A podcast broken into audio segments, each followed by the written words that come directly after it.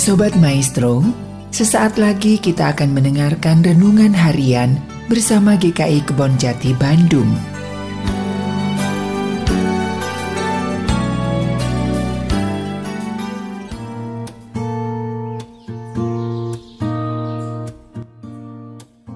Shalom jemaat yang dikasih Tuhan, kita bertemu lagi dengan renungan harian GKI Kebon Jati bersama saya Pendeta Agus Gunawan. Hari ini tema kita adalah ketika Tuhan menggugat. Bacaan kita diambil dari Mika 6 ayat 1 sampai 8 dan saya akan membacakan secara khusus ayat yang ke-8. Hai manusia, telah diberitahukan kepadamu apa yang baik dan apakah yang dituntut Tuhan daripadamu. Selain berlaku adil, mencintai kesetiaan, dan hidup dengan rendah hati di hadapan Allahmu. Nah saudara ada peribahasa, air susu dibalas air tuba. Tentu saudara kita sangat mengenal dengan peribahasa tersebut. Air susu adalah suatu yang kaya akan manfaat dan nutrisi. Dalam tumbuh kembangnya, manusia membutuhkan air susu sebagai sumber gizi dan kekuatan tubuhnya. Nah sebaliknya saudara, kalau kita bicara tuba, tuba merupakan jenis tanaman yang airnya sangat pahit dan biasa digunakan untuk meracun ikan. Maka itu air susu dengan air tuba jelas merupakan dua hal yang sangat berbeda. Yang satu memberi kehidupan dan yang lain menjadi pemicu kematian. Nah, saudara, air susu dan air tuba dalam peribahasa sengaja disandingkan untuk menggambarkan situasi di mana kebaikan justru dibalas dengan kejahatan. Dan orang yang mengalaminya pasti akan merasa sangat terluka. Nah, saudara, dalam hubungan dengan umat Israel, kebaikan Tuhan juga kerap kali dilupakan.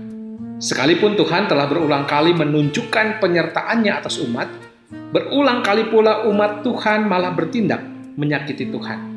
Bukannya beribadah dengan taat, mereka justru menyembah ilah lain dan bersikap tidak adil pada orang-orang miskin. Maka itu peringatan dan ketetapan Tuhan sering kali diabaikan dan umat bertindak seakan-akan Tuhan tidak ada lagi mengawasi dan memperhatikan perbuatan mereka. Maka itu dalam kitab Mika 6 ayat 1 sampai 8 yang kita baca, di sini diungkapkan bagaimana Tuhan mengadakan perhitungan dengan umatnya atas perbuatan mereka. Tuhan tidak tinggal diam. Ia meminta Israel menjelaskan tindakan mereka yang jahat dan mempertanggungjawabkannya. Tidak hanya itu, Tuhan juga dengan tegas mengungkapkan kembali kehendaknya yang sering kali dilupakan, yaitu supaya umat menyatakan kasih dan keadilan melampaui tindakan persembahan korban yang mereka lakukan. Maka itu saudara melalui Nabi Mika, Tuhan sepertinya menggugat umatnya. Nah, kalau kita membaca kitab Mika, Nabi Mika, Mika sendiri dalam bahasa Ibrani berarti siapakah seperti Tuhan. Mika berasal dari kota Moresyet, sebuah kota kecil terletak 23 mil saudara di sebelah barat daya Yerusalem. Nabi Mika adalah nabi yang sejaman dengan Nabi Yesaya. Berdasarkan bagian pembuka kitabnya, Mika itu bernubuat saudara pada masa Raja Yotam, Ahas, dan Hiskia ketika memerintah Yehuda. Dan nubuatnya itu dinyatakan mengenai Sarab Samaria sekaligus juga Yerusalem. Nah berbeda dengan Yesaya, Mika merupakan nabi pedesaan dan tidak berhubungan dekat dengan dinasti Daud. Kalau Nabi Yesaya berkarya di ibu kota, Mika berkarya hanya sebatas di pedesaan. Asal usul dan lingkungan itu memang terasa kalau kita membaca kitab Mika. Namun keduanya tetap memiliki latar belakang politik kemasyarakatan yang sama. Oleh karena itu, karena hidup di pedesaan, kita bisa pahami mengapa dalam kitab Mika khususnya Mika mengkritik para tuan tanah yang merampas tanah dan menjadikan orang lain hamba-hamba mereka. Kritik Mika juga ditujukan kepada mereka yang di perkotaan, kepada para pemimpin, penguasa, dan nabi gadungan. Kaum pedagang pun turut menjadi kemarahan nabi dan Tuhan. Nah, saudara, Mika juga di situ menolak ibadat dan upacara yang tidak berjiwa, yang tidak disertai dengan kelakuan yang sesuai dengan ibadat mereka. Maka dalam Mika 6, saudara ayat 1 sampai 8, kita bisa melihat gambaran situasi pengadilan. Dalam Mika 6 ayat 1 sampai 2, di sana diceritakan Tuhan menceritakan, Tuhan menyampaikan gugatannya pada umat.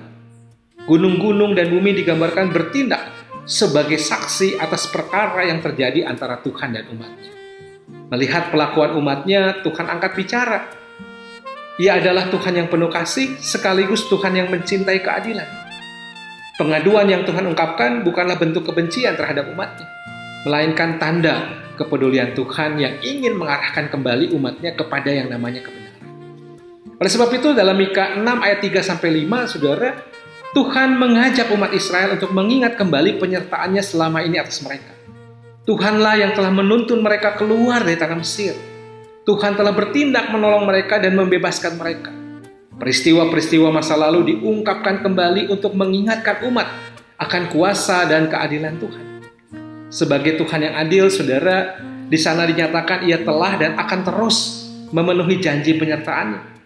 Di sisi lain, sebagai Tuhan yang adil, ia pun tidak pernah kompromi atas tindakan-tindakan jahat umatnya yang menyimpang. Maka Tuhan menghukum ketika umatnya menyimpang.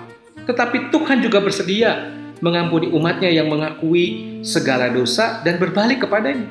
Bukan sekedar mempersembahkan korban bakaran. Allah mau pertobatan dan perubahan hidup umatnya secara nyata. Maka dalam Mika 6 ayat 6 sampai 7 Saudara, kita bisa melihat Mika mengungkapkan bahwa Tuhan tidak berkenan atas korban persembahan tanpa sikap hati dan tindakan yang benar. Dan di ayat 8 ini adalah bagian penegasan Tuhan telah mengungkapkan berbagai tindakannya atas perjalanan kehidupan umat dan ia telah membuktikan kesetiaannya. Selain penegasan, saudara, bagian ini adalah panggilan Tuhan. Atas umatnya sedang melupakan perintah dan ketetapannya. Tuhan menghendaki agar umatnya tidak sekedar melakukan ritual keagamaan, tetapi melakukan yang lebih penting yaitu bersikap adil, berlaku adil, mencintai kesetiaan, dan hidup rendah hati di hadapan Allah. Berlaku adil berarti hidup dalam relasi kasih dan kepedulian kepada orang lain. Dan kita sebagai umatnya juga diundang untuk mengusahakan kesejahteraan pihak lain. Mencintai kesetiaan berarti menjadikan Tuhan sebagai pusat kehidupan kita dan berusaha bertahan dari aneka bentuk godaan. Rendah hati di hadapan Tuhan berarti mengakui bahwa kehidupan kita sebagai umat sesungguhnya tidak bersandar pada kekuatan diri kita sendiri, tetapi pada anugerah dan pertolongan Tuhan. Tuhan memberkati kita dan Tuhan terus menyertai kita. Amin. Sobat Maestro, baru saja Anda mendengarkan renungan harian bersama GKI Kebon Jati Bandung. Tuhan Yesus memberkati.